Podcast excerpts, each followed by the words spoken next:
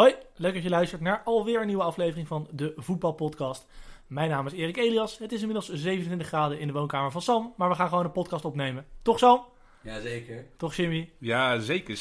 En ja, het clubseizoen is nu echt helemaal ten einde, want eh, we hebben de allerlaatste wedstrijd gehad. eh al het toetje van het seizoen, de Champions League finale. En ja, drie keer op rij Real Madrid, jongens. Ongelooflijk eigenlijk. Ja, en toch zijn er nog steeds eh, mensen die zich afvragen van is het wel zo'n goede ploeg? Ja, waaronder ik zelf ook. En ja, dat vind ik echt een heel moeilijke vraag. Alleen ja, je ziet gewoon, eh, ja, ze zijn dodelijk effectief en ja, hebben ook wel wat geluk meegekregen natuurlijk. Ja, maar is dit een goede ploeg? Ja. Een Zijn, ze dermate ploeg, zijn ze dermate goed dat ik het terecht vind dat ze drie keer op rij de Champions League hebben gewonnen? Wat nog nooit twee keer eerder was gebeurd. Dat een ploeg om twee keer op rij won? Nee, ik denk het niet.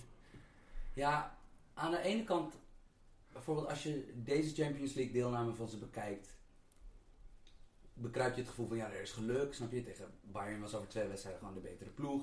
Ja, maar ze hebben wel echt goede tegenstanders tegen gehad Maar natuurlijk. precies, ze hebben Paris Saint-Germain, Juventus Dat maakt het zo Eh, dubbel. en, en Bayern, terwijl ze ook al in de pool hadden ze Dortmund en Tottenham om mee af te rekenen. Van, ik denk toch dat je Real Madrid het beste als volgt moet beschouwen. Want ze hebben misschien een minder aanwijsbare stijl dan Barcelona altijd gehad, of Manchester City, of Liverpool, eh, noem het maar op, of, of de knokstijl van Atletico. Maar als je die spelers bekijkt, dat die elf die op het veld stonden zaterdag. Daar zit niks, geen zwakke schakel echt in. Nou, de keeper misschien nog, denk ik altijd. Nee, ja, vind ik ook wel meevallen. Ik vind Ja. Navas, ja, het is geen topkeeper, maar ik vind hem ook een beetje underrated, toch? Ja, maar Ja, maar ik vind hem geen top 5 in de wereld. Nee. Als we even de namen langs gaan, van Ja, nee, het zijn toppers. Het zijn toppers, Precies. tuurlijk. En ik denk dus dat op 7 of 8 van die jongens in de basis 11 nou, horen bij denk ik de 20 beste voetballers ter wereld. In elk geval bij, de- bij de 3, 4 beste spelers op hun positie ter wereld. Of dat nou Varane of Ramos is, Modric of Kroos, eh, of Ronaldo of een Isco, dat maakt eigenlijk niet uit. Ehm, maar dan vervolgens hoe die wedstrijd verliep. Ja, dat was lullig. Nou ja, niet alleen, maar het geluks... eh, kijk, Real brengt Bill vanaf de bank. En jij tweet op dat moment en dan kijkt Klop achteruit en die ziet, nou, noem ze allemaal maar op. Emre Can. Solanke. eh, Klavan. Ja, Solanke Ja. heet die gozer, ja. Ja. Heb ik ook gehoord. En, eh, hoe heet het? Danny Ings. Danny Ings zat niet bij de eerste 18. Nee, maar die zou bij Real Madrid niet eens bij de eerste 35 zitten. Ja, maar dat soort dingen. Dat is gewoon... eh, het is van Klopp überhaupt heel eh, goed dat hij dit, deze ploeg, deze selectie in die finale heeft gekregen. Als je het nog even over Real hebt. Ik denk dat zij van speler 1 tot 16 wel echt met afstand, met enige afstand, de beste ploeg ter wereld zijn. Ik denk nog wel ruimer, 1 tot 16. 1 tot 20 bedoel je. Ja, ik bedoel, Ja. als je kijkt wat, er, wel- wat, wat hun schaduwelftal is. Ja. Dat is ook een elftal dat bij de laatste acht van de Champions League komt. Dan hebben ze nog Morata verkocht in de zomer. Ja, en James, en. An- en Bill zou toch bij bijna elke andere club in de basis staan. Vast. Vasquez Ja. ook. Ja. Ja. Kovacic ook. En, en, to- en toch heb ik nog steeds het gevoel van ja, ze hadden er net, zo- dit seizoen hadden ze er net zo goed in de kwartfinale of halve finale uit kunnen liggen. Maar om zoiets te presteren, drie seizoenen achter elkaar, heb je altijd een klein beetje geluk nodig onderweg. Maar ik denk dat het vorig jaar ongenaakbaarder was, om het zo te zeggen. Ja, nee, ik bedoel, vorig jaar waren er natuurlijk eh, tamelijk imposant optreden, half finale en in de finale. Ja. Eh, aan de andere kant, ja, het, het, is, het wordt steeds moeilijker, want ook al die spelers, het zijn nog steeds exact dezelfde spelers als vorig jaar. ja, en hoe raken ze niet verzadigd? Ja, hoe raakt ze niet verzadigd? Ze, zijn ondertussen allemaal, snap je, misschien is het merendeel al voorbij hun piekleeftijd. Als je kijkt naar Ja, Ramos, dus deze ploeg wordt echt een stuk ouder nu, ja. Precies. En ik bedoel, dat maakt het misschien wel inderdaad minder imposant dan vorig jaar, maar wel... Of misschien juist wel imposanter Ja, ja, misschien nee, nog. Misschien, misschien nog juist wel, wel, als je de context erbij haalt. Want ik bedoel, dit is... eh, en het grappige is ook dat ik, ik... Er zullen vast veel luisteraars nu denken van... Ja, rot op, hè, gaan we een veer in de reet steken van Real Madrid. Maar als je kijkt naar wat deze ploeg heeft gekost... In vergelijking met, wat, met de top 6 ploegen in Engeland Ja, ja, uitgeven ver- aan spelers. Vergelijk niet dat, ver- vergeet niet dat ze al vroeg de spelers hebben gekocht. Voordat eigenlijk de, de prijzen helemaal gigantisch omhoog gingen natuurlijk. ja. Want Bill was toen de tijd was het gewoon de duurste voetballer. Nu niet meer. ja, maar hun Maar- laatste monster aankoop speelt er niet meer. Hun laatste monster aankoop was James Rodriguez. ja. Ja. En, en ik zou er nog een keertje echt onderzoek naar moeten doen. Maar volgens mij heb je in... Kijk, in, Ne- in Nederland heb je volgens mij zo'n regel... dat een speler mag maar binnen 100 kilometer van een club wonen of zo. Een jeugdspeler, zoiets. Volgens mij heb je dat in Spanje niet. Dus, dus eigenlijk hebben zij een beetje alle beste jeugdspelers van Spanje. Die spelen ook bij Real en Barça. Volgens mij is dat zo. Zoals een Iniesta die eigenlijk van Albacete kwam en zo.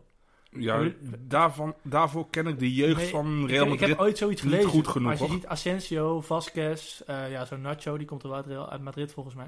Ja, maar die hadden ze jongens. natuurlijk toch wel gewoon al gehaald toen ze al een beetje bij andere clubs Nee, zijn precies. doorgebroken natuurlijk. En nu bijvoorbeeld, je ziet... Dus Ceballos ook nog. Ja, bijvoorbeeld- ik wilde Dani Ceballos als voorbeeld geven. Iemand die er totaal niet aan... Snap je? Was de uitblinker van het EK 121 afgelopen zomer.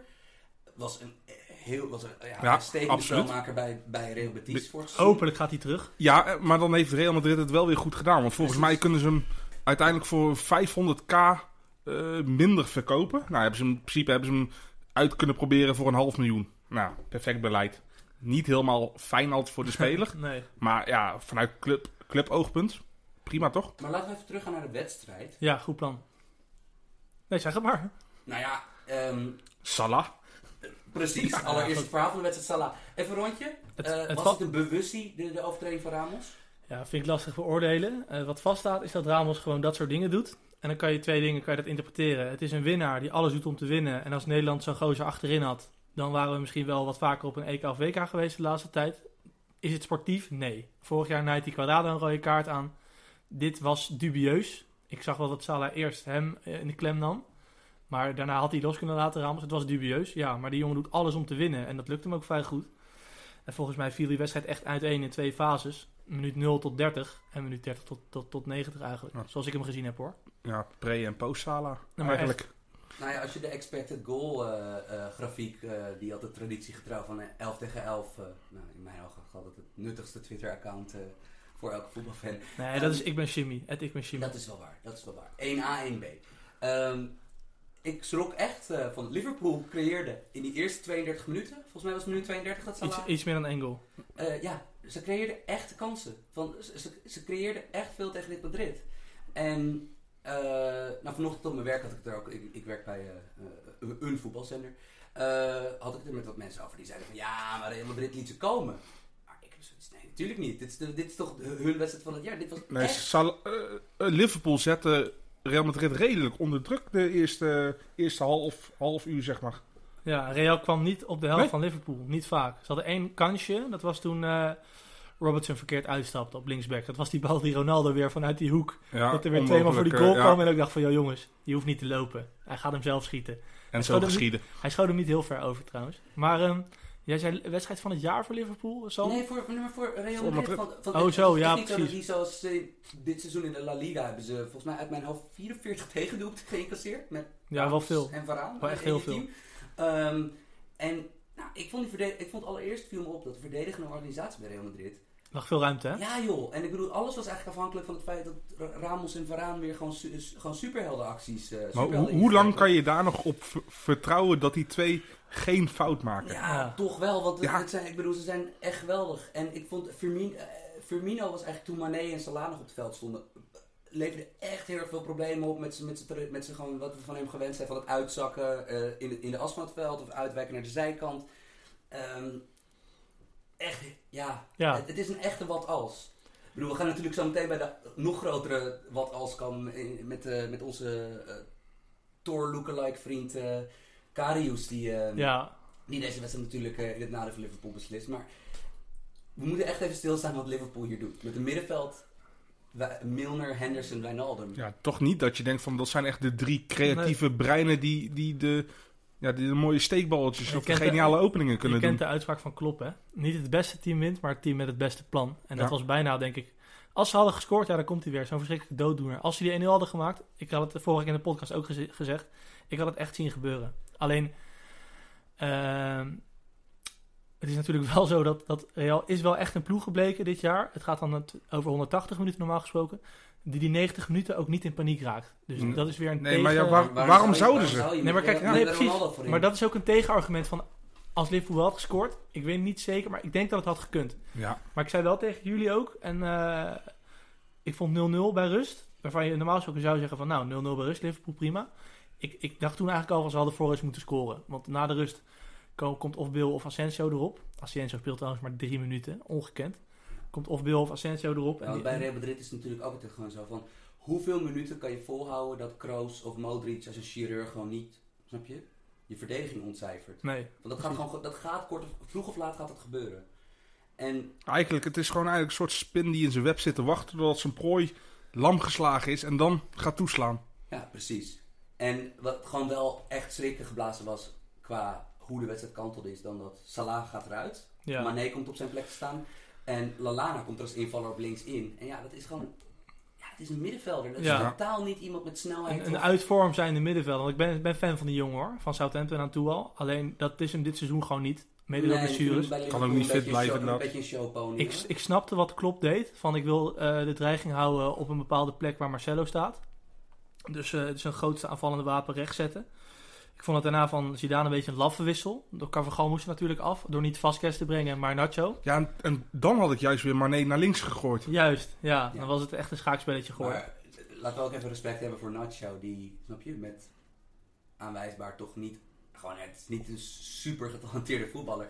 Want dat, dat, is wel, dat is natuurlijk wel ook het soort voetballer wat bij Real Madrid ook dan weer rondloopt. Zo'n Ja. manetje van alles die zeg maar zo, die je altijd kan vertrouwen om in elk geval het team niet te schaden. Een beetje een soort secondenlijn is hij. Voor, voor, voor nu is hij even goed. En, Ja. en voor, die voor, voor die posities voorin heb je Vasquez in dat opzicht. En, en hij zal niet echt heel erg zeuren als hij niet achter deze Nee. gasten aan het spelen is. Maar toch? hij kan linksback, hij kan rechtsback, Ja. hij kan centraal. Maar wist je dat die kerel al 28 is? Ja, nou, 28, hij, was, hij is in elk geval inderdaad... Hij is eh, ouder dan je denkt. Ja, Ja, maar dat heb je inderdaad met wel meer voetballers inderdaad. Dan Ja. denk ik van, hé, is hij al zo oud? Thiago Maar, Alcantara is altijd, die is in mijn ogen nog altijd 19. ja, 27. Oh ja? Dat ja. die is even. Wist je dat Van der Vaart bijna stopt al met voetballen? Oké. Maar ehm, ja, bij rust 0-0. Ik dacht toen eigenlijk wat ik net ook al zei van... eh, dit gaat hem worden voor Real. Ja, Ja. ik was minder overtuigd nog eh, Ja, op dat moment. In, in de groepschat was Jimmy eh, eigenlijk als enige nog hoop aan het houden op een eh, Ja, overwinning voor de good guys. maar goed. De roze olifant in de kamer, jongens. Loris Karius. Ja, Gooit die bal tegen Benzema aan. Ja, heel sneu. Ja, sowieso is natuurlijk... eh, we gaan natuurlijk uiteraard zo meteen naar de hot take ronde. Maar een take die heel veel voorbij is gekomen is... eh, ja, Liverpool geeft 90 miljoen uit aan Virgil van Dijk. En waarom staat er dan geen half fatsoenlijke keeper? eh, waarom is er geen half fatsoenlijke keeper? Nou, leg eens uit. Waarom is dat? Nee, dat is inderdaad... eh, want het, ik bedoel, Mignolet is natuurlijk jarenlang problematisch geweest bij Liverpool. Ja, ik- er gingen ook ineens heel veel mensen zeggen van ja, had Mignolet erin gezet. Maar Mignolet is ook niet de oplossing, jongens. Mi- Mignolet was echt een heel problematische Ja. keeper. Dat was een goede keeper bij Sunderland. En dit, die is bij Liverpool gewoon altijd een vraagteken geweest. Karius was eigenlijk eh, tot aan de halve finales tegen Roma, waar hij ook een paar rare dingen deed. Eh Karius was wel eigenlijk een zichtbare verbetering. Maar ja, natuurlijk, dit is... De, ja, ik noem het een FIFA-glitch, hè? Ja, is, Ja. het, is het kortsluiting in zijn hoofd? Of? Ik weet het niet. Ik vond het van Benzema goed. Knap, want dat hoor, hoor ik niet vaak. Maar die reageerde echt snel. Ja. zijn als er één spits op aarde is om te vertrouwen dat hij, snap je, Mhm. altijd intelligente beslissingen op het veld neemt, is het Karim Benzema wel. Ja. En maar- de- denken jullie dat dat, dat klapje, wat- je zag het op Twitter voorbij komen, dat heel onduidelijk videobeeld. Dat Dat- Ramos hem een ja. beuk geeft. Ramos gaf een beuk aan Karius twee minuten voordat die goal viel. De Ja. eerste goal. Van Dijk zei daarover zelf van ja, ik gaf Ramos ook wel een flinke zet mee. Ja. Dat betekent natuurlijk niet dat Ramos zijn elleboog eruit moet gooien. Tegen het gezicht van die jongen van, van Karius aan. Ja, ik weet niet. Ik ben geen eh neurodokter. ik heb geen idee of, Nee, dat, of, niet. dat, of dat iets mee te maken heeft. Maar het was wel opvallend.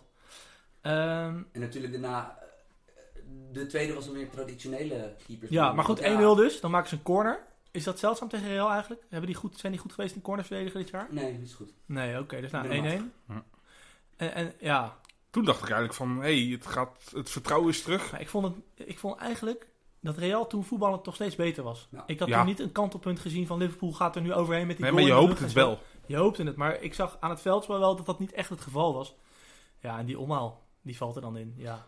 Kijk, en dan kunnen wij heel lang praten over, eh, over die wedstrijd. Of dan kan je daar tactische analyses op loslaten. Maar uiteindelijk, die omhaal heeft niemand bedacht. En die 2-1 valt erin en toen was het ook klaar. En ook even low-key, dat Marcello. eh, Marcelo. Marcel, Marcial. Ehm, een linksback die, zoals wij hier vaker benoemen, dat gewoon een briljante spelmaker die toevallig op de linksback-positie is beland. Geef wel even die voorzet met rechts, hè? Ja, maar weet je, dat is, deze goal was letterlijk niet te verdedigen. Hm. Want die bal die wordt vroeg voorgegeven met het verkeerde been van de rechtsback. Ik denk een eh 70, 80 centimeter boven Dus het hoofd. er zat geen logica aan de opbouw ervan. Nee, van de totaal goal. niet. Dus hoe moet je, wat moet je daar tegen doen? Nee, tegen dit, deze dit goal. is real. Dit was gewoon niet te verdedigen. Maar dit is real. Van dit is, zij hebben de spelers die, snap je? En, Ja. en ik zat nog wel te kijken van, ja, Karius, die, die verwachten het ook echt niet. Die was ook gewoon helemaal in standbeeldmodus. Ja, Ja. want je zag hem eerst nog wel duiken, maar toch zijn handen niet volledig uitstrekken. En ik denk niet dat het iets had uitgemaakt, omdat het te snel ging voor zijn gevoel om te beseffen wat er gebeurde. Ik denk niet dat zelfs een duik had uitgemaakt. Had een, had, was er een keeper geweest die deze had gepakt? Nee hoor, En ik vind dat, dat Misschien soort- per ik vind dat toeval. soort- ik Ja. vind dat soort wha- what-ifs altijd... eh, Oké, dat leent zich altijd voor grove overschatting. Ja, maar wel leuk toch, om het erover te hebben. zal lachen. Voetbal. Voetbal is altijd leuk. toch? Maar goed, na die 2-1, ja, heeft Real in mijn ogen redelijk makkelijk uitgevoetbald. Heeft Liverpool niet echt meer hele grote kansen weten te creëren. Nee, maar dat was sowieso een helft twee. Na die goal was het... eh, Zijn jullie met mij eens dat eh, het uitvallen van Salah een breekpunt was, maar niet eens zozeer een tactisch op- oogpunt? Van joh, een- onze beste counteraanvaller gaat eraf, maar ook gewoon in het mentale. Van shit, onze beste speler gaat eraf. ja, tuurlijk. Ja, absoluut. Ik, ik vond het bijna meer een mentaal dingetje dan een tactisch Maar het is ding. toch ook, hij, hij is toch ook, zeg maar... Hij was buitenaards goed dit jaar. Mhm. En ook niet een flat track bully dat hij het alleen tegen makkelijke teams deed. Hij was in de topwedstrijden liet hij dit ook weer zo... Snap je? Duizelingwekkend mak- makkelijk uitzien. Maar kijk ook maar eens hoeveel schoten Liverpool had voordat Salah nog op het veld stond. En nadat, nadat Salah gewisseld was. Wat was de verhouding? Ja, volgens mij hadden ze negen, 9 3 volgens mij. ja, Ja, ne- joh. volgens Negen- mij negen negen om schoten voor Salah inderdaad. Ja. Ja, dat zegt genoeg. Ja, en ook gewoon heel simpel. Die voorhoede, die driemans voorhoede van Salah, Firmino, Mane is perfect. Gewoon, dat is echt, dat zijn Dat is een drie- three-headed monster. Ja, dat is een three Hebben ze perfect bij elkaar Dat zijn gezocht. Lego blokjes perfect op elkaar passen. En eh, ja, dat viel een beetje uiteen. En inderdaad, eh, het geloof en dat soort termen waar, waar wij er allemaal altijd een beetje, beetje, beetje rillingen van krijgen. Ja, Momentum. het moment. Nou, nou oké, laten we daar niet over beginnen. Dat, eh, ja, dat, dat, het leek toch wel een beetje, Ja. inderdaad, het leek wel een enorme tik te zijn voor Liverpool. Wat natuurlijk ook, aan de andere kant, ik denk dat Real Madrid ook aangeslagen zou zijn als Ronaldo van het veld moet. Maar ik denk wel minder dan Ja, Liverpool met Salah.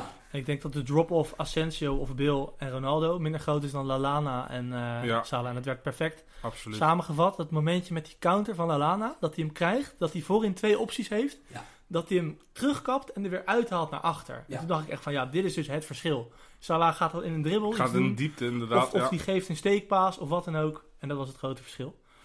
Ehm, ja, ik denk uiteindelijk de beste selectie heeft de Champions League gewonnen. Ja, en de, de, degene die ook goed in een toernooi kan spelen ook gewoon. Je hebt altijd een Ronaldo waar je op terug kan vallen. Ja, En anders altijd nog een Bill als luxe product. hey, we zijn 17 minuten bezig over Real en de Champions League finale. En de naam Zidane is nog niet één keer gevallen. Wat zegt dat? Ja, dat hij gewoon altijd prima op de achtergrond staat. Maar ja, En het blijft altijd gewoon durven aan te passen. Hè? Van, kijk, je kan wel zeggen, ja, het is geen tacticus. Omdat, en van ja, van Real Madrid heeft toch snap je, het schok op Ronaldo, gok op die lage voorzet. Ehm, is toch ook gewoon tactiek? Maar dat is ook tactiek. Maar daarnaast is, zeg maar, er is geen trainer die vaker grote wedstrijden gewoon een systeem durft om te gooien, halverwege. En dit keer ook. Want ik bedoel, het was natuurlijk wel zo dat de 4-4-2 eruit functioneerde wel prima. Omdat Isco en Modric en Kroos natuurlijk heel erg veel Ja. eh, variatie in hun positionering hadden. Maar het begon natuurlijk echt te lopen bij Real toen het weer 4-3-3 werd met de BBC voorin. Ik, ik zei dat ik 4 eruit eigenlijk niet echt begreep tegen een 4-3 van Liverpool. Nee, niet Omdat- als je Casimiro Nee. daar hebt lopen. Wat een perfecte breker is. Ja. Maar voor de opbouw Ja. betekent het helemaal Eh, niks. het plannetje op links was duidelijk, hè, met Isco daar krijgen en Marcelo. en dan nog een derde linies. erbij. Maar dat, Ronaldo die eigenlijk, snap je, als Mhm. links, ter- terwijl die tweede spits was als Ja, links binnen was hij. Ja, als Links links binnen. functioneerde. Ja, Benzema die dan weer in de opengevallen teampositie van Isco terugkwam. Van het, was, het was inderdaad duidelijk. het was toch wel weer een soort tactiek. Dan denk ik van, nou, niet heel erg van jongens, veel plezier en ga het maar doen. Er Ja, zat echt wel een idee En, achter. en bagatelliseren we niet te snel de prestatie van Zidane omdat hij al een perfecte selectie heeft. En omdat we niet vaak willen zeggen van ja, een goed, eh, een goed paard is niet altijd een goed ruiter en zo. Maar Nee, ja, 100%. Zidane laat behalve het man-management, eh, wat volgens mij goed gaat, want ik hoor weinig eh, dingen in de media van eh, dat het niet goed gaat met Madrid. Zelfs als ze in de competitie niet goed presteren. Mhm. Maar ook tactisch eh, heeft hij zeker zijn accolades nu al verdiend, eh, wat mij betreft. Ja joh, Nee, ben ik het helemaal mee eens. hij heeft nog nooit de Champions League finale verloren. Nee, het is een beetje zoals... eh, Of, of nog eens, hij heeft hem nog nooit niet bereikt. dat is wel echt bizar, man. Ja, 2,5 seizoen, drie Ja. keer de CL. Hij moet nu stoppen. Nee, Emmen de eredivisie houden. Oh ja, klopt. Hey, eh, van Champions League naar Emmen. Fucking mooie overgang. Ehm, dan gaan we nu even naar de hot take van deze week. Onvermijdelijk. Heeft natuurlijk te maken met de Champions League finale. Want ik heb heel veel de mening gelezen eh, dat Loris Karius, zijn carrière is, is nu voorbij. Die komt nergens meer aan de bak en dat is klaar. Wat vinden jullie daarvan? Ja, sowieso is het heel lastig om in de toekomst te kijken natuurlijk. En hij zal zeker wel een knauw ervan hebben gekregen.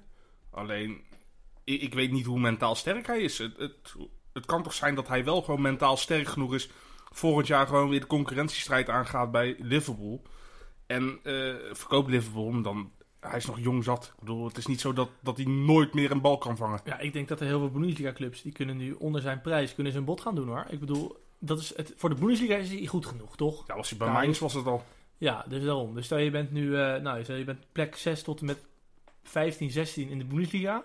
zou ik hem kunnen doen. En dan eh, kan je nog wat geld erop pakken... omdat je onder de, onder de waarde kan bieden. Ja, nou, keeper. eh, bij keepers moet je het proces toch echt vertrouwen boven het resultaat. Van, snap je, boven het enkele resultaat. Want, ik bedoel, ja, Loris Karius is wel gewoon een keeper die de transfer heeft afgedwongen van Mainz en Liverpool. En ik denk wel, ik bedoel, natuurlijk, zijn, tijd bij Liverpool is, is teleurstellend verlopen. Want ik bedoel, heel lang achter Mignolet nog altijd eh, tweede keeper moet zijn.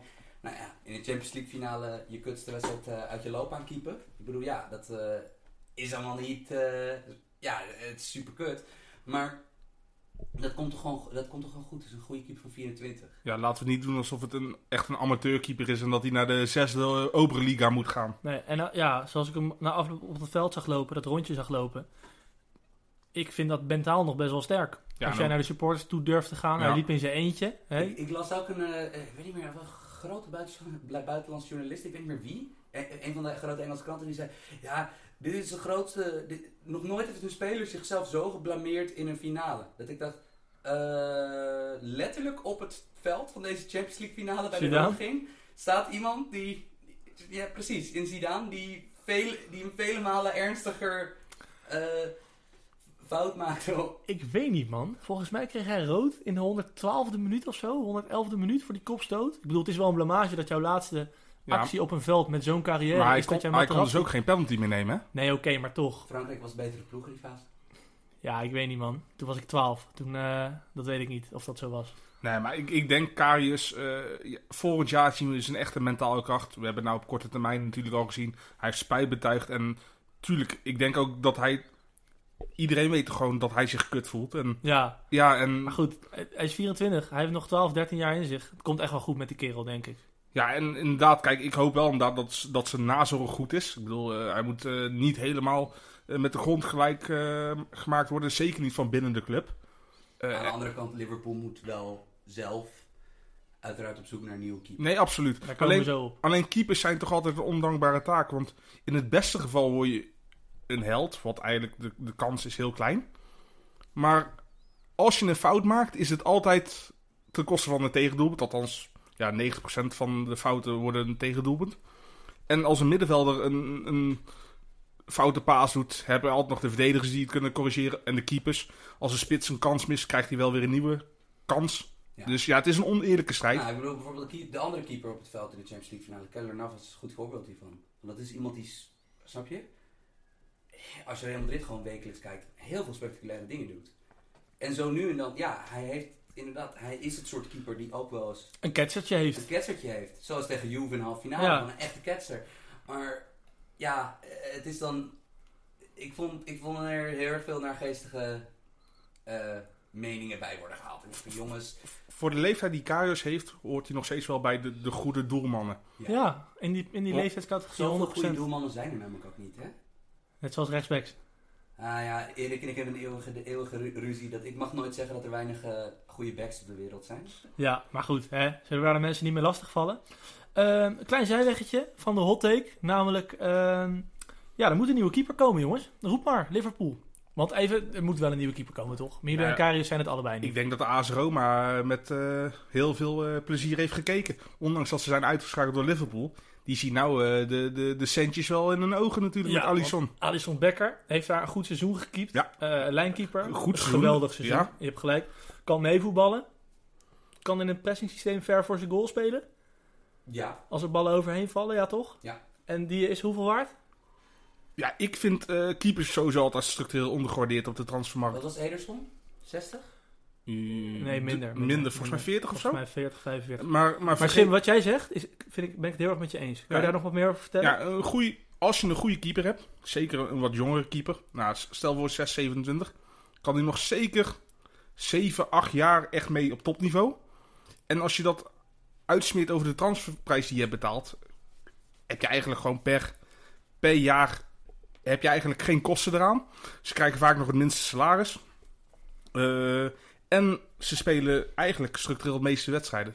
Tenzij blessures of zo. Maar de kans op blessures bij keepers lijkt mij aannemelijk Ja. kleiner dan met veldspelers. En, en ja, een tegengoal telt even zwaar als een goal die je zelf maakt. En tegengoals voorkomen, met keepers dus bijvoorbeeld, is over het algemeen een stuk goedkoper dan zelf goals inkopen. Omdat aanvallende spelers altijd duurder zijn. Ja. Ja, en daarnaast, eh, wat Real Madrid eigenlijk deze zomer op de transfermarkt doet, zal eigenlijk ook bepalen, zal de markt een beetje bepalen voor Liverpool. Ja, of ze met, voor de Gea gaan of zo. Ja, wat precies. Want als de Gea weggaat, heb je natuurlijk in in United een big spender op de transfermarkt. Nou ja, Alisson is volgens mij van alle keepers onder de 30 eh, dan. En, en, en snap je, die, die haalbaar zijn. Oblak misschien O- nog? Oblak is denk ik niet te betalen. Eh, even heel chauvinistisch. Jaspertje Sillissen? Ja, maar dat is niet Mm. hetzelfde niveau.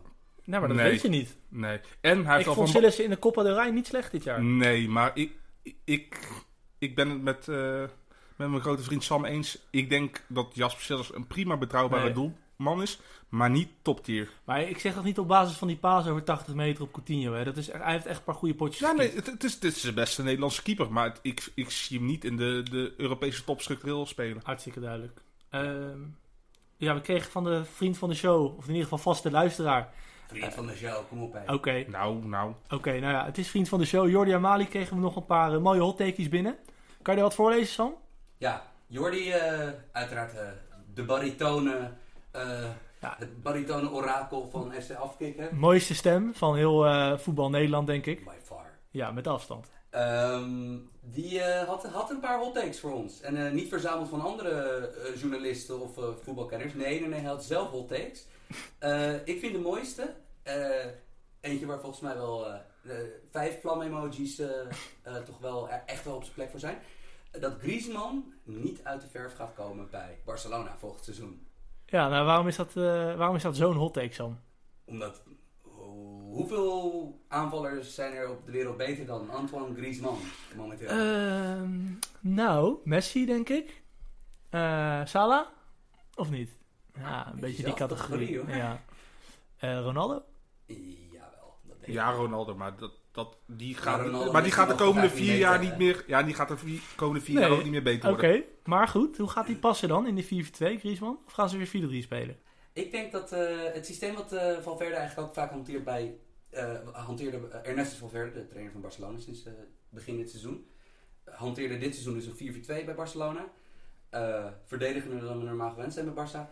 Eh, bij Atletico, Atletiek de Bilbao, waar hij eh, natuurlijk eh furoren heeft gemaakt als trainer, was, gebruikte hij eigenlijk een redelijk hoog pressingsysteem van, vanuit de 4-2-3-1. En ik denk dat dat toch het systeem is wat je bij Barça moet gaan bedenken. Dus met Suarez in de punt, Messi op 10, Griezmann op rechts en eh Dembélé of Coutinho op links. Is dat niet te, iets te aanvallend als je ziet dat Busquets niet echt een poetser is op het middenveld? Wie zet je daar dan naast? Rakitic. Rakitic zou sowieso Gaat dat functioneren met z'n tweeën, denk je?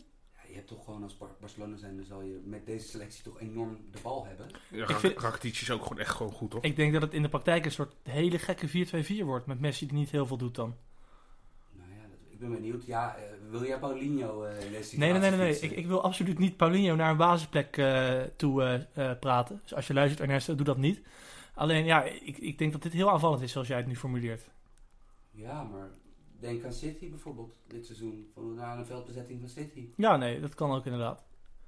Ja, nee, ik, ik, ik denk dat de fans van Barcelona ook wel weer wat meer spektakel wilden zien, denk ik. Cruciaal in zo'n veldbezetting is dat je aanvallers werk leveren bij balverlies.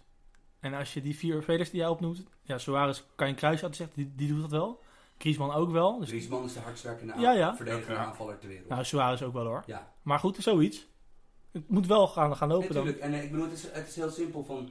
eh, voor Dembele en Coutinho is een neergelegd. Laat maar zien.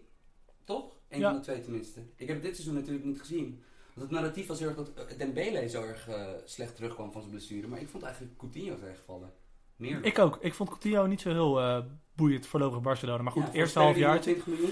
En dan zeg je hij al wat dat- meedoen in de Champions League. Dan zeg je altijd van hij moet acclimatiseren. Maar hij heeft natuurlijk al gespeeld daar bij Espanyol. Dus hij kent de stad en alles. Ja, oké, maar hij heeft een nieuwe status. Kan, die- kan die omgaan met het grote prijskaartje ook natuurlijk. Nee, dat speelt wel mee. Maar hij moet het nu laten zien. Ja, mijn stiekem hoop is nog altijd wat Jimmy ongeveer in de eerste of tweede aflevering zei. Thiago terughalen. 4-3 gaan spelen met een 6. Busquets op 6. En met Thiago en Coutinho als middenvelders. Daar, dat zou ik echt waanzinnig vinden. Ja, en dan ik ook. voorin Suarez, Messi, eh, Griezmann. Ja, ik denk Nou, dan heb je wel een ploegje staan hoor. Kijk, het was heel simpel. Dit jaar heeft Barcelona Snap? Een miraculeuze comeback van Roma heeft hun seizoen verpest.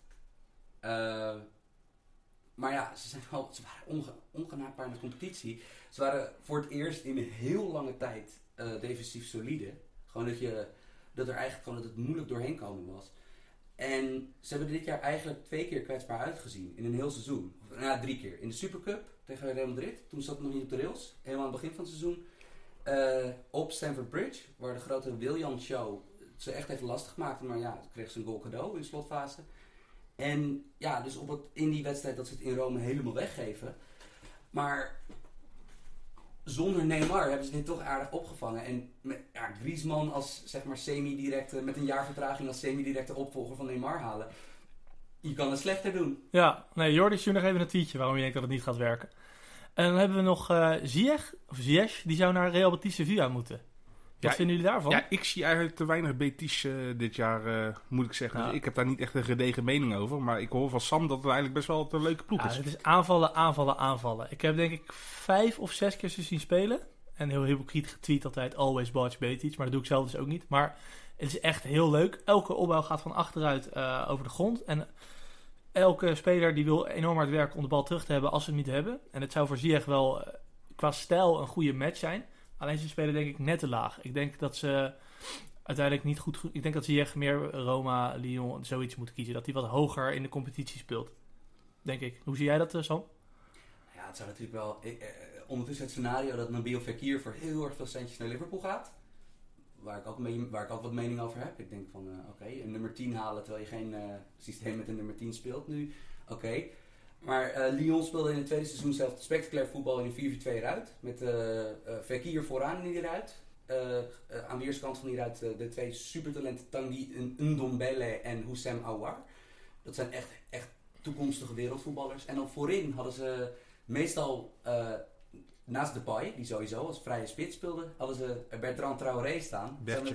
Het zijn- natuurlijk wel een 4-4-2 eruit met Ziyech op 10. En eh, Traoré en De- Depay als positieloze spitsen. Dat is wel een redelijke overwinning voor... eh, Dan koop jij een seizoenskaart bij Lyon. nou ja, wel een beetje toch? Want ik bedoel, het is wel... Ja, dat is de, mijn favoriete Eredivisie-speler in... eh, nou, misschien wel ooit. En eh, de beste Nederlandse speler van dit moment. En, en een speler En nog Ajax- Berto als bonus. En Berto die echt zo... Die werd enorm overschat, onderschat in zijn Ajax-tijd. Ah, wel veel kansen gemist hoor. Ah joh, goede speler. Ik vind hem altijd van, wie leert die man schieten? Want het is een Afrikaanse speler, is pas laat begonnen. Wie leert die man? Hij is pas laat Ja, maar begonnen nou met gaan we net doen alsof dat Afrikanen echt Nee, helemaal nee, maar kunnen kijk, schieten. als je naar zijn schottechniek kijkt, dat kan echt een stuk beter. Taken van der Velde heeft daar een keer een hele goede column over geschreven in de VI. Maar komt dat door zijn positionering? Komt dat door zijn... Nee, hij werkt gewoon technisch heel veel ballen echt slecht af. Dus met zijn binnenkant zit er weinig kracht achter. Met zijn vreef is het heel wild. Daar moet je maar eens op letten. Als die jongen gewoon goed zou kunnen afwerken, dat scheelt nog 5, 6 goals per jaar. Maar ik ben met jou eens, Sam. En waarschijnlijk met Sim ook. Hij werd bij Ajax een beetje onderschat. Overschat, excuus. Nee, onderschat. Ja, juist. onderschat. Onderschat, want hij heeft echt wel goed gespeeld. Ah, hij scoorde niet. Hij heeft alle dreigingen, maar hij scoorde nooit. Ja. En dat was zo jammer. Want ja, hij had echt eh, heel veel dreiging altijd. Ehm, nu moeten we nog een hot take van Jordi doen. Ik heb ook een schuin oog op de tijd. Moeten we We richting... gaan naar het WK. We gaan naar het WK, hè? We gaan naar het WK. Niet schreeuwen, Eindelijk. niet oranje zijn helaas. Het is wel een momentje dit, hè? WK. In de podcast voor het eerst, toch? Ja, ik heb er echt zin in, jongens. Ik heb er ook echt heel veel zin in. En dan ga ik gewoon eens even beginnen met de open vraag. Wat voor WK wordt het? Jim, the floor is yours. Ja, ik, ik vind het eigenlijk een beetje een lastig WK, want... Normaal gesproken had ik echt één topfavoriet echt. En ja, die kwam redelijk ook al, kwam altijd redelijk ver.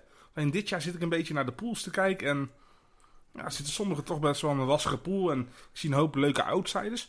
Ik hoop gewoon dat, eh, dat eh, het slopende seizoen voor, voor de topspelers dit jaar niet te slopend was. Zodat we eindelijk een keer de echte toppers zien excelleren op een WK.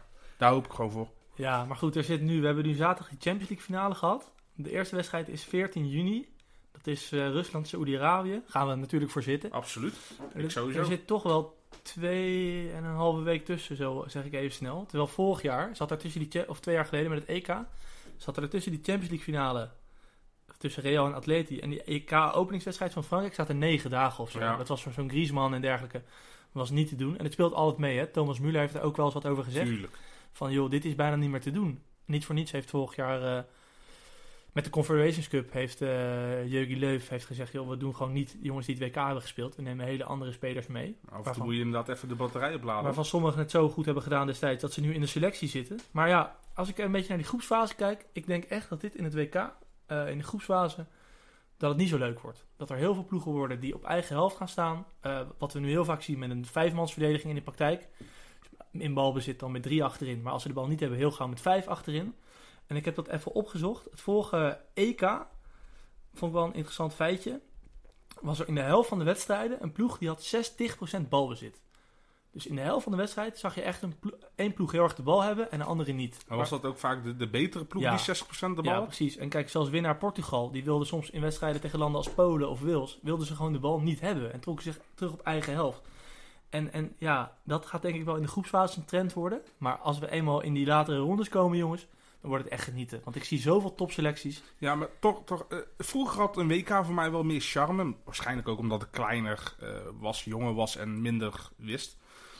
Maar toen, toen hadden echt veel landen nog een eigen voetbalidentiteit. En nu is het eigenlijk toch door een beetje globalization... zijn alle ploegen spelen een beetje hetzelfde. Ja, Goed punt. Ja, ik, ik heb niet echt meer van... Oh, Peru kenmerkt zich door dat en dat voetbal. eh, Nigeria door dat. nou ja dat alleen, heb ik niet meer. Daar komt hij weer. Alleen bij die Afrikaanse ploeg heb je soms, die zijn technisch heel goed, fysiek altijd heel goed. En ja, tactisch is dat soms wat minder nog. Maar ik zie jou ook kijken van, dat klopt niet meer. Nee, ja, vind, vind, vind ik ook vind ik echt een... Generalisatie. Ja, echt te groot. Sorry. Absoluut. Oké. Ja, ik heb wel van, eh, zeker bij die... eh, kijk, als je nu een pot voetbal kijkt, of het nou in de, nou in de Eredivisie dan niet, maar of je nou in Frankrijk kijkt, of in Engeland, of in Spanje, of in Duitsland, je ziet wel ongeveer dezelfde tactieken terugkomen, weet je wel. In de zone 4-4-2 spelen op eigen helft, of hoog druk zetten op een bepaalde manier. En dat zal op het WK niet anders zijn. Nee, maar dat is vroeger ook bij het WK 94. Ging ine- iedereen ook bijna ineens 4-4-2 spelen. Het zijn altijd natuurlijk een soort... Golfbewegingen. Je hebt altijd de early adapters, die, die, die, die, die vallen op daarmee. Dat werkt. En dan komt daarna de grote en masse, die wil dat ook kopiëren. Ja, Dus dan lopen ze altijd een beetje achter de feiten aan. Krijg je heel veel dingen die hetzelfde zijn. En dat kan saai zijn, maar het hoeft niet per se. maar hebben jullie ook het, als je de selecties kijkt van de toppers, dus van een Spanje, van een Frankrijk, van een Brazilië, van een Duitsland, van een België, dat je echt denkt van, man, dit wordt top. In de latere rondes, van een Argentinië. Oh, zeker. Maar het is toch, eh, eh, het is qua, wat Jimmy zegt, er is geen, wel geen duidelijke favoriet. In elk geval niet bij de bookmakers. Bijvoorbeeld Brazilië is nog steeds eh, bij de gokkantoren favoriet, wat ik vreemd vind. Ik, ik zou zelf toch echt eh, Spa- Spanje. eh, Ja, Tiet heeft het wel echt goed op de rit staan daar. eh, bij Brazilië. Ja, ze hebben een paar jongens die wel kunnen voetballen. Maar Hel- eh, helpt wel. ik, denk, eh, ik denk dat die latere rondes heel erg leuk gaan zijn. Wat ik ook wel denk dat, dat echt bevorderlijk is voor het soort wedstrijden, is dat als je nu kijkt naar eh, de topploegen in het Europese voetbal, dus kijk naar bijvoorbeeld de grootste 15 ploegen of zo, dat dat eigenlijk op Atletico Madrid na allemaal zwaar pressende ploegen zijn. Dat zijn eigenlijk nou, bijvoorbeeld denk aan AS Roma. Van, dat is in eerste instantie, snap je, het makkelijke gedeelte van ons brein gaat zeggen van ja, Italiaanse ploeg, snap je? Mhm. Die gaan kuttig 5-3-2 op eigen helft staan. Nee joh, het is een vol pressende ploeg. Hadden ze dat maar gedaan tegen Liverpool. Precies. Nee, maar het merendeel van de clubs, eh, eh, eh, zeg maar hoge press en ook, ook dat counterpressen. Dus Maar van de bal- toppers. ja, en wanneer je de bal kwijt bent, dat je dan op je hoog gegen, Mhm. dat, je, dat je zeg maar een turbo gegenpress speelt en dat je die defensieve ruimte zo klein mogelijk maakt. Kijk, die landen met al die goede voetballers, die zullen allemaal hoog, eh, rela- rela- relatief hoge druk spelen. Portugal waarschijnlijk eh, als uitzondering, die zie ik ook niet echt als, eh, als een ploeg die heel ver gaat komen. Wat denk jij, Jim? Ja, ik kom een beetje met, met een stokpaardje van. Maar sowieso bij een WK heb je altijd zo'n grote geluksfactor. Omdat het echt op een korte periode wordt gespeeld. Je speelt in de poolfase speel je binnen een paar dagen een paar wedstrijden. Vorm van de dag is belangrijk, blessures. Eh, je komt altijd tegenover teams te staan die, die toch wat onbekender zijn dan in het clubvoetbal. Want ja, ze, spelen natuurlijk veel minder wedstrijden samen. Eh, er is geen eh, bij voetballen is er geen toernooi zo groot qua verrassingen dan in een WK. Gewoon puur omdat je, ja, je hoeft maar één of twee slechte dagen al te hebben. Op een normaal seizoen kan je dat helemaal uitspreiden op de Champions League, want dat gaat het hele jaar door. En nu kan dat gewoon al fataal zijn. Helemaal met je eens, maar niet voor de eindzegen. Dus inderdaad voor een leuke run, à la Zuid-Korea 2002, Costa Rica 2014, Tuurlijk, op, eh, op, op de, Uruguay 2010. maar dat komt meer omdat er altijd wel acht ploegen zijn die, die meer kwaliteit hebben dan de ander. En dan de kans dat ze alle acht hetzelfde ongeluk, de, de blessureproblemen hebben, is natuurlijk heel erg klein te noemen. Ja, en Sam, waar jij een beetje aan voorbij gaat, gaat, vind ik, is dat je met dat hoge pressen, dat moet je trainen, weet je wel. En die ploegen hebben weinig tijd samen. Daarom was wat Sampaoli deed bij Chili ook zo waanzinnig knap. Dat dat wel heel goed werkte, dat presssysteem. Ik denk dat er heel veel coaches zijn, en dat vind ik helemaal verdedigbaar, die zeggen, joh, organisatie moet staan, geen tegengoals, proberen of op de counter en met een spelvervatting wat kunnen doen. En als je niet die topkwaliteit bent, maar je bent bondcoach van, uh, van een land met middenkwaliteit, vind ik dat heel erg verdedigbaar. Maar daarom gaan we wel, denk ik, een wat minder leuk WK zien. Waarbij we dus, zeg maar, kijk, wat jij ook zegt, in topwedstrijden, tuurlijk. Dan ga je één ploeg zien, die heeft veel de bal en die gaat tegen een laag blok spelen en, en allemaal tot je dienst. In die andere wedstrijden wordt het niet zo heel leuk, denk ik. Ik zit een beetje mijn hoop te zetten op potten als Colombia, Japan en, en dat soort potjes. Ik weet niet hoe jullie dat zien. Nee, dus er zijn best wel inderdaad wat groepen die, die best wel aan elkaar gewaagd zijn. En uh, ja, daar gaan we natuurlijk volgende week gaan we er nog wat meer over hebben. Maar uh, ja, er zijn ook echt heel pools die echt totaal in onbalans zijn wat mij betreft. Ja, zeker. En in de groepsfase gaat het ook altijd nog, vind ik dan, uh, minder dan vroeger, maar echt nog spelers ontdekken. Want bijvoorbeeld bij Saoedi-Arabië ken ik weinig spelers. Misschien loopt daar wat rond. De nieuwe Said Al-Wairan. Ik, uh, ik geen idee wie dat is. Fouad Amin. Ik, uh, WK 94 helden. Ja, ik zat de selectie van Egypte te kijken. Ik kende een paar jongens uit de Premier League. Maar misschien loopt daar ook wel een waanzinnig leuke centrale verdediger. Je weet het allemaal niet. Dus dat is ook wel leuk, hè. Minder dan vroeger. Maar wel leuk. Absoluut, ja. Door het internet en het vele kijken mm -hmm. zijn er wel minder verrassingen. Maar ja, van Panama weet ik nog zoiets heel weinig. We willen nog één ding benoemen als podcast. Namelijk de situatie in Rusland. Ja, nee, dat is... Uh, de laatste tijd komt Rusland uh, natuurlijk niet goed in nieuws. Uh, met het vergiftigen van de dubbelspion. Het MH17-schandaal. Dus ja, ik, ik vind inderdaad... ik, ik ben Ruslands voetballiefhebber. Dat weten mensen onderhand wel. Alleen ik vind wel. Uh, ik, ik vind Rusland niet de geschikte plek. En Qatar trouwens ook niet. Om daar WK's neer te zetten. Helemaal omdat het echt nou als speeltje, als prestige van Poetin wordt gezet, ge, uh, neergezet. Ja, en ik vind dat, ik vind dat belachelijk. Ja, kijk, het is gewoon de realiteit dat de FIFA een, een bond is die dit soort dingen niet schuwt. Nee, en dat, alles voor het geld. En dat WK in Qatar, dat is nog belachelijker, vind ik. Maar dit is ook gewoon slaat nergens op. Absoluut. Het is gewoon geen vrij land waar we naartoe gaan met z'n allen om naar dat voetbal te kijken. En dan kan je wel roepen, sport en politiek moet je gescheiden houden. Maar waarom? Nee, sport, eh, sport en politiek hebben altijd in, ja, inmenging met elkaar gehad. Sport is politiek. Kijk eens naar de Olympische Spelen. Dat ja, is een en al politiek. En precies wat Jim zegt, ik erger me aan dat die Poetin weer staat met het WK. Het grootste sportevenement ter wereld, misschien na de Olympische Spelen die gaat daar toch weer staan met zijn borstje vooruit. Terwijl het is gewoon een dictator. Ja, en ze laat alleen maar weer goede en positieve dingen zien. Die er ook, laten we zeggen, het is niet alleen kommer en kwel natuurlijk. Maar er gebeurt nog zoveel dingen onder de radar. Of die wel naar buiten komen wat mensonterend is. En ik hoop dat, uh, dat daar ook stelling genomen wordt. Maar ja. ik vrees money talks. Het is voor ons makkelijk vanaf hier. Kijk, als jij sporter bent. En, en wij als. Nederlanders hebben het al geboycott. Wat, wat, kan je, wat ja. kan je doen als rechtsback van Git of linksback van Uruguay? Moet je dan zeggen, zeggen, ja, ga niet mee. Nee. Kijk, en dan, ja, ik ga niet mee. Ja, dan zetten ze een andere linksback neer. Speel jij geen WK. Ik snap het van die sporters allemaal wel, maar ik blijf het, je moet het blijven benoemen dat het van de FIFA gewoon belachelijk is. Dus, dat gezegd hebben, dan gaan we naar de mailback. Uh, blijf vooral vragen insturen. Kan op ons uh, Google uh, of ons mailadres de voetbalpodcast.gmail.com. En natuurlijk op Twitter en hoe je mij en Sam en Jimmy kan bereiken. Stuur gewoon lekker je vragen in. Vinden we hartstikke leuk. De eerste vraag is van Peter Wolbers. Komt er een Afrikaans of Aziatisch team in de halve finale van het WK? Nou, als het al gaat gebeuren... Deze vraag is natuurlijk elk WK komt die terug. En uh, had Suarez hem maar niet uitgehouden, die bal... dan waren we van deze vraag verlost. Maar als ik mijn geld ga zetten, is het op Senegal. Puur omdat die pool een beetje een wildcard is. En ik Senegal een goede selectie vind hebben. Ik alleen, in het schema te kijken. Alleen, zouden ze langs Duitsland moeten in de kwartfinale. Ja, ze moeten, ja, ze moeten geluk hebben. Duitsland hadden tegen Algerije op het WK 2014 niet maar makkelijk. Ik, ik, ik vrees van niet. Als je die namen ziet van Senegal, die hebben wel echt wat. Die hebben Koulibaly, uh, Kouyaté, of Koulibaly van Napoli, Kouyaté van West Ham, Mané natuurlijk. Uh, Keita Balde Diao van Monaco, wat ik een onderschatte speler vind. En dan hebben ze nog een paar van die... Juist. Everton. Van Everton. Ja, precies. Nou, dat is al een aardig blok op middenveld hoor. Die QRT met uh, Ghana Gay ervoor. Als je dan QRT erachter hebt en Mane voorin met Balde, even heel simpel gezegd. En er gebeurt altijd wel weer een, een topploeg die even een uitgeleide maakt. Dus Ja. het kan wel. zeer waarschijnlijk acht ik het eigenlijk niet. Nee, maar goed, we gaan de komende weken gewoon kijken naar de vriendschappelijke wedstrijden van Senegal. En misschien zien we wel dingen dat we denken van, hé, hey, het zou zomaar kunnen. Eh, we gaan het in de gaten houden. Aziatisch? Het zou natuurlijk leuk zijn als er een miracle run zou zijn in het toernooi van Marokko. Ja, Marokko. Ik ben voor Marokko. Ik ook. Gewoon allemaal Nederlandse jongens. Hartstikke leuk. Absoluut. Alleen ik ben wel eh, daardoor een beetje bang dat we ze juist heel erg overschatten. Ja, Omdat we toch een beetje toch, eh, semi-chauvinistisch worden. Althans, ik wel. ja ik ook. Ze zitten in een pool ook. Spanje en de regerend eh, eh, Portugal, kampioen ja, Portugal. absoluut, dus. Ja, voor Marokko wordt alles bepalend. Dat, is, dat weet iedereen, die eerste pot. Als je die eerste pot tegen Iran winnen, zie ik heel veel mogelijkheden op de counter te kunnen spelen tegen die twee grote landen. En anders niet. Heel Ja. simpel. En het andere Afrikaanse land wat eigenlijk qua pool het makkelijkst heeft, Egypte. Mhm.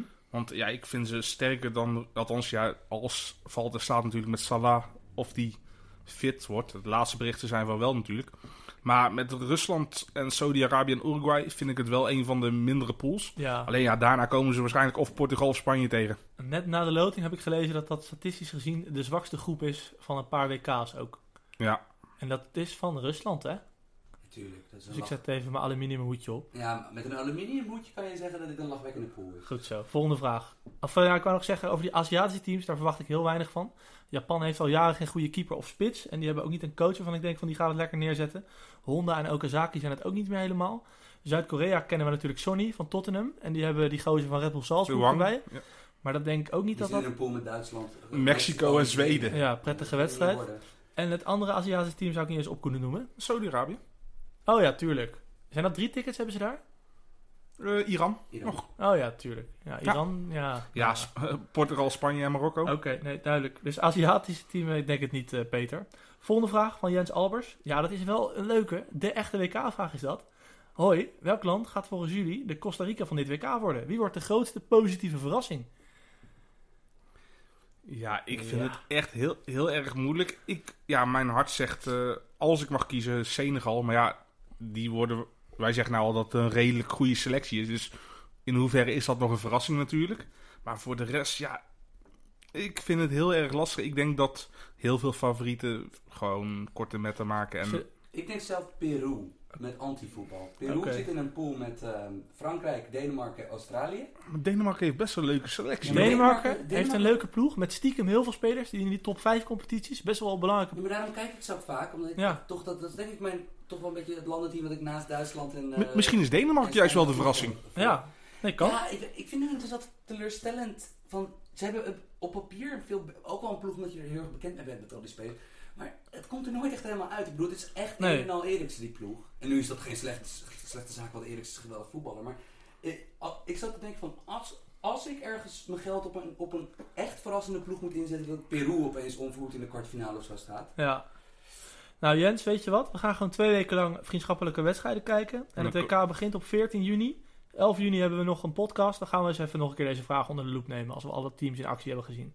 Volgende vraag van Willem Hartog. Vrijwel iedereen heeft altijd een hoge pet op van de Belgische topspelers. En hoewel goed, denk ik dat ze niet ver zullen komen. Omdat ze naast Martinez, hè, de trainer, Roberto Martinez, mijn CL-toets niet halen. Ze hebben weinig tot geen spelers die het niveau hebben van veel ervaring hebben met CL-kwartfinale en hoger. Wat denken jullie? Nou, eerst even die vraag. Is dat belangrijk om veel ervaring te hebben in de Champions League? Nee, want landenvoetbal is weer totaal anders. Als je kijkt naar, naar België, juist de, de, de belangrijke spelers in het team zijn ook belangrijke spelers bij hun club. Mhm. En ik heb liever een, een Kevin De Bruyne dan een, eh, een rechtsback van een halve finalist Champions League. Ja. Dan een, laat ik zo zeggen, dan een Liechtensteiner. Ik vind Liechtensteiner trouwens een goede voetballer. Mhm. Alleen, ik heb liever een De Bruyne in mijn team ja dan een denk, Liechtensteiner. ik denk dat heel veel, eh, heel veel luisteraars het met je eens zijn wat dat betreft. Ik ga, waar ik normaal gesproken altijd een ingewikkeld prater ben, ga ik hier gewoon heel erg simpel zijn. Een ploeg met eh, De Bruyne, Hazard, Vertongen, Alderwereld, nou noem ze allemaal maar op. Ja, liever, liever die selectie dan de Nederlanders. Ja, Courtois, wat nog steeds gewoon Ja, joh, wel een goede keeper is. Eh, het, probleem is dat, het probleem is dat het elftal lijkt nog altijd niet helemaal de juiste samenstelling. Ze spelen nog steeds 3-4-2-1, toch? Ja, Met twee mensen achter de spits. met Meunier, en- Meunier en eh Ferreira Carrasco als eh, wingbacks. Ja. Nog steeds van Verjekker als Ja, als die linksback. zit, ja, die zit gewoon bij de selectie net als eh, zijn Chinese Ik vond dat compagnon tegen. Nederland toen, vond ik dat gaar, man. Ja. Hij als linksback. Ik ja, maar ja, anders krijg je Lukaku. Hebben zij op linksback een probleempje, België? Ze, hebben hebben Jordan. Wel- welk land heeft geen probleem op linksback? Nou, eh, Spanje. Ja, maar dan heb je echt, dat zijn echt de topfavorieten. En voor de rest, er zijn weinig goede backs. Vroeger had je nog Pocagnoli. Ehm dus eh, toets van de CL kwartfinale en hoger, dat schieten we bij deze af dus. Ja, Oké, sorry Willem. Volgende vraag is van Maarten de Groot. Zijn de reacties op die en die gaan niet mee naar het WK niet een beetje overtrokken? Aangezien wij niet weten wat de doorslag geeft voor een bepaalde coach om iemand mee te nemen. Ik vind het zelf vaak makkelijk oordelen. Ja, klopt eigenlijk wel. Wij, spelen, wij, zien, die, wij zien die spelers niet bij de landen aan de, aan de gang. We zien ze niet trainen. We weten niet wat er in de groep speelt. Ik vind zelf altijd als een speler goed speelt voor zijn land, verdient hij gewoon om mee te gaan. Ook al gaat het misschien bij zijn club niet zo heel goed. Ik noem een Danny Welbeck daarvoor. De Podolski rule. Ja, de Podolski-rol inderdaad. En je hebt gewoon spelers die gek genoeg bij het nationale team altijd beter zijn dan bij een club. Ik noem een Podolski. Of natuurlijk andersom, zoals een Seedorf. Dat bestaat gewoon. En om terug te komen op de vraag, dan denk ik van ja, eh, je hebt gelijk dat het makkelijk oordelen. Maar ja, we zien ze wel spelen bij de clubs. Dus we kunnen er wel wat over zeggen. Ja, en ik vind ook eh, een, Witsel bijvoorbeeld, die heeft met al respect voor het geld gekozen. Prima, maar totaal niet voor sport, sportieve aspect. En dan heb ik wel zoiets, uh, een Golan. Ik, ik weet natuurlijk niet allemaal wat er binnenskamers is gebeurd en waarom die uiteindelijk niet mee is. Alleen ik zou dan altijd kiezen voor een Nayin Golan die wel presteert in de Serie A. En niet een Witsel die geld zit te scheppen. Want met alle respect, de Chinese competitie, ik volg het. Maar het niveau Dit, is... dit is geen leugen. Shinny kijkt de streams en zo, die is uitstekend op de hoogte. Als Maar- je iets wil weten, hij weet alles. Maar het, het niveau is eh, behoudens de buitenlanders als ze er zin in hebben. Want vaak hebben ze ook gewoon geen zin om echt goed te spelen. Ja, is het echt bedroevend. Dus ik, ik zou dat nooit belonen. Ja, ik maar zou, dat ben ik. Ik zou altijd kijken naar wat heeft mijn ploeg nodig. En als Martinez nu denkt van ik heb een Witsel nodig en geen Nainggolan, zijn wel iets andere spelers. Ja, En hij zei ook absoluut. volgens mij zei hij ook nog tussen de regels door zoiets van Hij ziet er meer als tien en dan heb je De Bruyne al. ja, inderdaad dat. En ook van in de groep als bankspeler zie ik het ook niet helemaal zitten, zei hij. Ja, Oké, maar moet je dan maar, de, eh, zeg maar een, een speler van Beerschot meenemen... omdat hij wel gewend is op de bank te zitten. Ja, ik kijk, we weten niet. Kijk, de, de implicatie tussen de regels door bij Nijngalan is natuurlijk dat het gewoon een enorme eh etterbak is. En een rokende etterbak. een rokende nu, nu, nu, nu zijn er wel meer rokende etterbakken. Eh, eentje is nu aan het woord. Ehm, dat, eh, eh, maar toch, ik denk dat dat is natuurlijk gewoon een beetje wat we er tussen de regels door moeten lezen. Van dat deze jongen gewoon te loco is, die te moeilijk is om, eh, eh, om bij de selectie te hebben en niet een leidende rol te geven. Een beetje de Cantona-rule van vroeger. Precies. Want ik bedoel, kijk, eh, eh, niemand kan ontkennen dat Nijngalan goed Yo, is. eh, van Hanegem heeft zo'n WK gemist hoor, in 78. Toen Happel Ja, zei van nee, ik kan je geen basisplek beloven. Maar Wilde die ook niet mee. Die mocht er ook niet mee van zijn vrouw. Ja, ik weet niet precies. Dat zou ik even aan eh Truus, heet ze Truus? Truus van Hanegem, toch? Ik heb geen idee. ik ook niet. Oké, nou goed. In ieder geval zou het even aan haar moeten vragen. Volgens mij was dat het verhaal. Happel zei van, ik kan je geen basisplek beloven. Toen zei Willem, nou, dan ga ik niet mee. Ja goed, Nederland heeft het toch wel redelijk gedaan toen dat toen Ja. Hey, de laatste vraag is van Robin van Duin. Heren, welke voetballers uit de eredivisie zullen het meest profiteren van het WK? Kan het WK zorgen voor een Tapia naar Valencia of een Alireza naar Spurs? Ja, goede vraag. Ik vraag me altijd af of dat nog zo is. Kopen clubs op basis van een WK nog? Wat denk jij, Jim? Ik hoop het alsjeblieft van niet. Ik, ik heb altijd zoiets. Een, een speler kan boven zichzelf uitstijgen in een korte tijdsperiode. Waar de echte sterren die al dit jaar veel hebben gevoetbald kapot zijn. In een team samenstelling die normaal gesproken in een club niet voorkomt. Tegen tegenstanders die je normaal ook qua niveau niet in één team zal terugvinden. Ja. Doe het niet. Nee, ik zou het ook niet doen, maar het gebeurt nog wel. Ja, Aha, absoluut. Sissoko. De, de, de, ja, de, bij jeugd-EK's, zelfs met Meesjo Richters, Ja. gebeurt het. Dat is wel tien jaar geleden al. Ja, nee, absoluut. Maar het, het blijft gebeuren. En eh, clubs die geld zat hebben, oké, prima. Eh, Premier League clubs kunnen dat leiden. Maar clu- clubs met goed beleid, doe het alsjeblieft niet. Eh, probeer je transfers voor het WK te doen voordat ze helemaal eh, onbetaalbaar zijn. En we gaan toch niet een speler afkeuren omdat hij op een WK niet goed presteert. Ik zou het seizoen daarvoor zou ik veel leidender vinden dan een WK. Small Absoluut. sample size. Absoluut. Maar goed, ik denk dat hij wel met Tapia en Alireza wel een beetje de spelers noemt. Hè. Ziyech zou Ja. kunnen.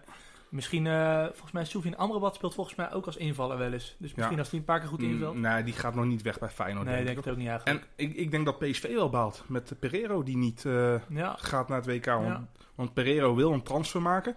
En ik denk dat dat wel uiteindelijk kopers Ja. zou kunnen triggeren natuurlijk. Maar helaas.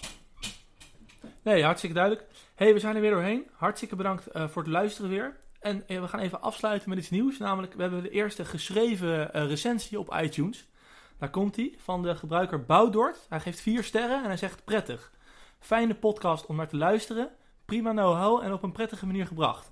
Nou, prima toch jongens?